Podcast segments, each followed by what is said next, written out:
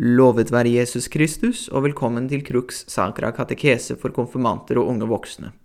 I dag, som jeg lovte, skal vi snakke om den salige jomfru Maria. Hvem er hun? Hva er spesielt med henne, og hvorfor er hun så viktig for katolikker? Og hva er de sentrale trossannhetene som Kirken gir oss om Maria? La oss bare komme i gang. Kirkens viktigste mysterium er, som jeg har sagt mange ganger, treenigheten. At vi tror på, håper på, elsker og tilber én allmektig og god Gud i tre guddommelige personer. Vi tror at den annen person i treenigheten, altså Guds sønnen, ble menneske. Han var alltid Gud, og så ble han menneske, og den personen heter Jesus. Men hvordan kom Jesus til verden? Kom han som en voksen mann? Nei, han kom som et lite barn, født av en virkelig kvinne, og den virkelige kvinnen heter Maria. Hun var gift med Josef. Hvordan får hun vite at Gud skulle komme til verden gjennom henne, og at hun skulle bli Guds mor? Hun får vite det ved at Gud sender engelen Gabriel til henne, og nå leser jeg fra Lukasevangeliet. Da det led på den sjette måneden, ble engelen Gabriel sendt fra Gud til en by i Galilea som heter Nasaret, til en jomfru som var trolovet med Josef, en mann av Davids ett. Hennes navn var Maria. Engelen kom inn til henne og sa, Hill deg, full av nåde, Herren er med deg. Hun ble forskrekket over engelens ord og undret seg på hva denne hilsen skulle bety. Men engelen sa til henne, Frykt ikke, Maria, for du har funnet nåde hos Gud. Du skal bli med barn og føde en sønn, og du skal gi ham navnet Jesus. Han skal være stor og kalles den høyestes sønn. Herren Gud skal gi ham hans far Davids trone, og han skal være konge over Jakobs ett til evig tid. Det skal ikke være ende på hans kongedømme. Maria sa til engelen, Hvordan skal dette gå til når jeg ikke har vært sammen med noen mann? Engelen svarte, den hellige ånd skal komme over deg, og den høyestes kraft skal overskygge deg. Derfor skal også barnet som blir født, være hellig og kalles Guds sønn. Og hør, din slektning Elisabeth venter en sønn, hun også, på sine gamle dager. Det ble sagt at hun ikke kunne få barn, men nå er hun alt i sin sjette måned. For ingenting er umulig for Gud. Da sa Maria, jeg er Herrens tjenerinne, la det skje meg som du har sagt. Så forlot engelen henne. Dette er veldig stort. Engelen kaller henne ikke Maria, han sier ikke Hill deg, Maria, han sier Hill deg full av nåde, som om full av nåde var et navn. Full av nåde, eller nådefylte, er Marias navn, på en måte, fordi hun ble utvalgt til å være kvinnen som bar frem, som fødte og som gav arvestoff til Guds sønn. Guds sønn ville ligne på denne kvinnen, han ville fødes av denne kvinnen, han ville at denne kvinnen skulle kalles hans mor. Gud gjør aldri noe tilfeldig, men med hensikt og en plan bak alt, og vi får høre hennes svar når engelen forteller henne om sønnen hun skal få. Men jeg har jo ikke visst av noen mann. Det vil si, selv om hun er gift med Josef, har de ikke prøvd å få barn sammen. Maria var altså det vi kaller en jomfru. Og da får vi vite at det er ved Guds kraft, ved Den hellige ånds kraft, at Maria skal bli med barn.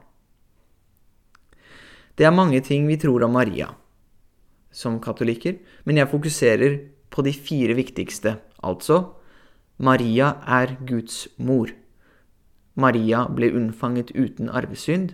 Maria var og forble en jomfru, og på slutten av hennes jordiske liv ble Maria tatt opp i himmelen med legeme og sjel. Vi begynner med at Maria er Guds mor. Den er jo for så vidt veldig enkel. Den går, går sånn. Maria er moren til Jesus. Jesus er Gud, derfor er Maria moren til Gud. Maria er Guds mor. Lettere blir det egentlig ikke, men det kan være forvirrende. Gud er evig og allmektig. Maria er et menneske i tiden. Vi sier altså ikke at Maria var Guds opphav. Men vi sier at da Gud kom til verden, så kom han til verden ved henne. At da Gud, sønnen, ble menneske, tok han sin menneskenatur fra Maria. Jesus er Gud, og Jesus er menneske. Hvis vi sier at Maria bare er mor til Jesus som menneske, da har vi gjort Jesus til to personer. En som er Gud, og en som er menneske. Men det går jo ikke. Hvis vi benekter at Maria er Guds mor, så benekter vi også at Jesus er én, at Jesu guddom og hans menneskenatur er forenet i hans person. Fordi man kan ikke være moren til en natur, man er moren til en person. Som Guds mor har Maria derfor en helt unik og opphøyet plass. Hun er velsignet blant kvinner, som engelen sa, og hun fortjener heder. Verdighet i himmelen måles etter hvor nært man står Gud, og det er ingen skapning som står nærmere Gud enn Maria. Derfor er hun den verdigste blant skapninger. Den andre tingen vi tror om Maria, er at hun ble plettfritt unnfanget.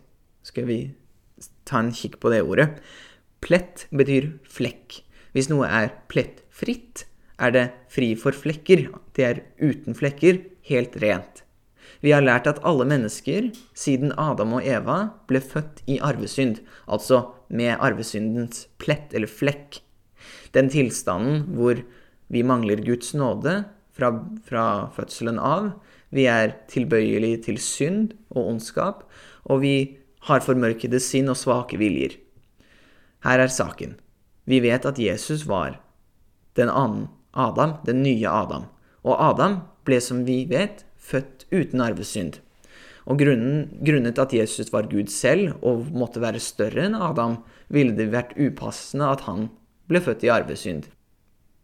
Så Jesus måtte være født uten arvesynd. Eh, Jesu menneskenatur var, var, ikke plaget med synd. Synd og, og Gud er to, to motsetninger, de, de går ikke sammen. Men vi vet jo også at arvesynd det hører vi på ordet, det går jo i arv. Så hvis Jesus skulle bevares fra arvesynd fra fødselen av, da måtte Maria også være fri fra arvesynd.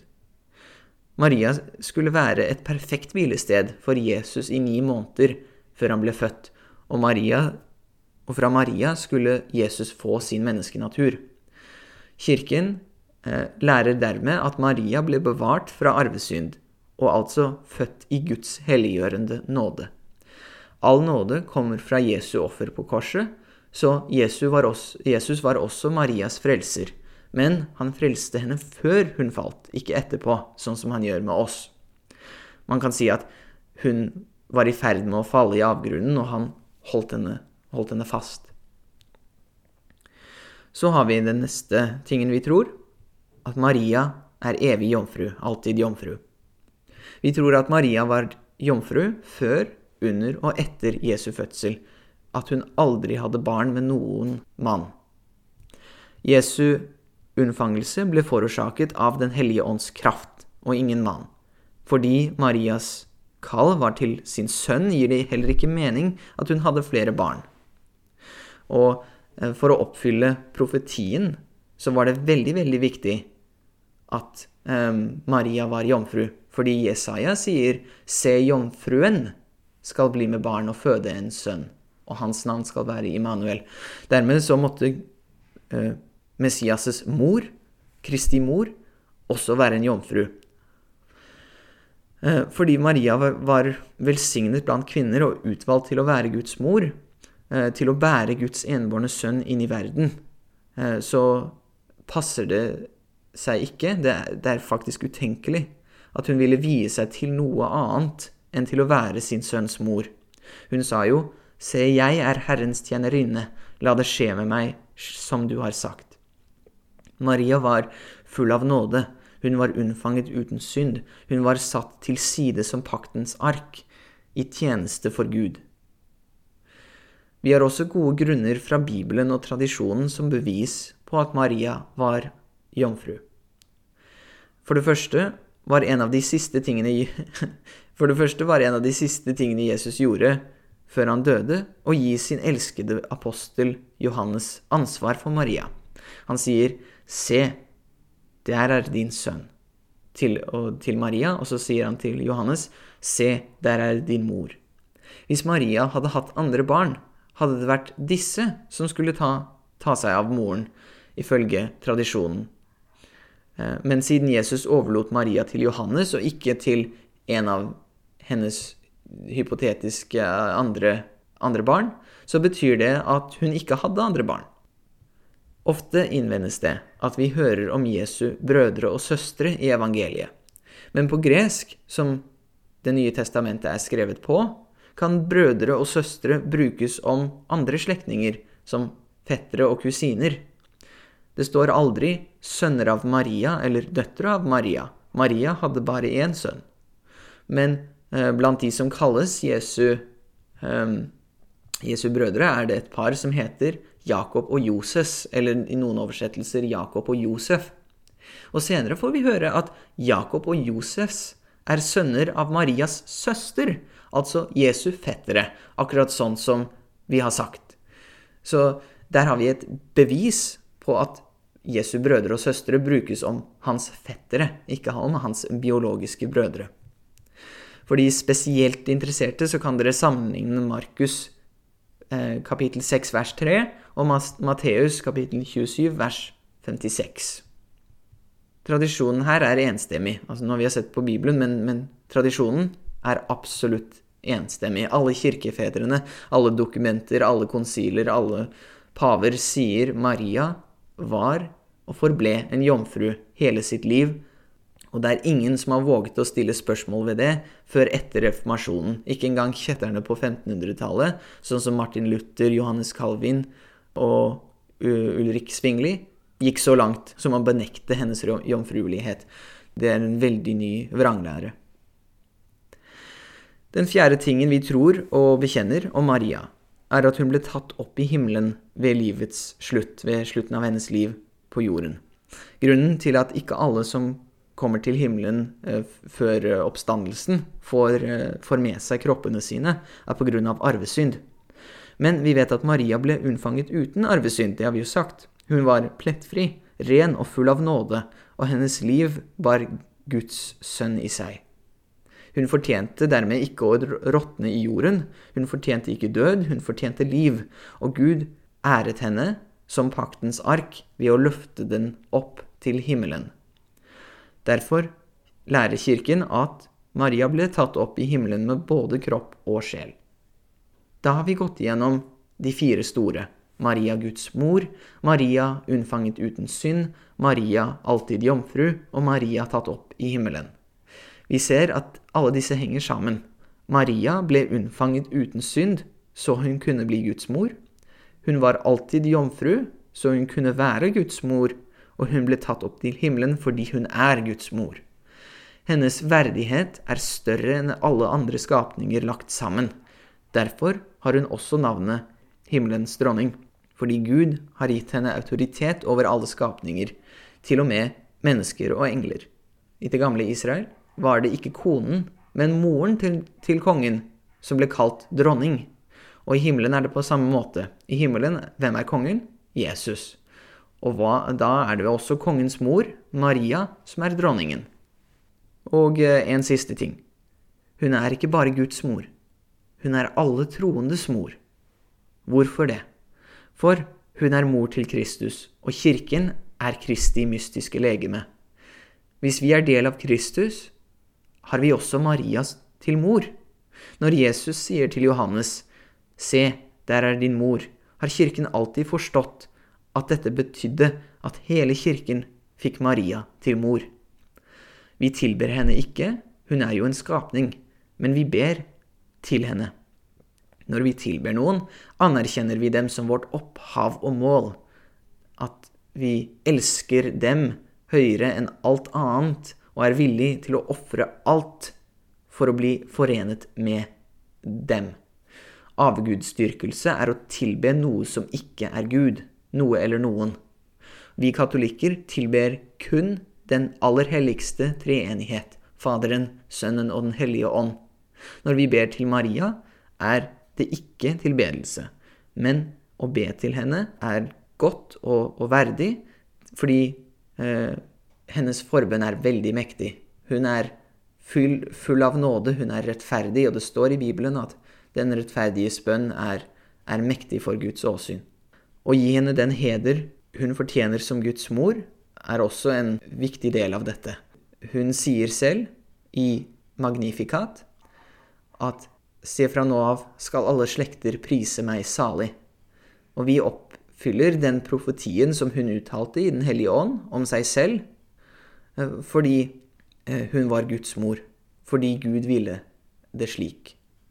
Maria er en trygg og trofast hjelper på veien til Jesus. For å bli bedre kjent med Maria kan vi be Hildei Maria, be rosenkransen, synge en av de mange Maria-hymnene vi har i kirken, eller lignende. Jeg er særlig glad i hymnene Salve Regina og Ave Maris Stella. Takk for at dere lyttet i dag, og jeg håper dere lytter neste gang. Hil deg, Maria, full av nåde, Herren er med deg. Velsignet er du blant kvinner, og velsignet er ditt livs frukt, Jesus. Hellige Maria, Guds mor, be for oss syndere, nå og i vår dødstime. Amen. I Faderens og Sønnens og Den hellige ånds navn. Amen.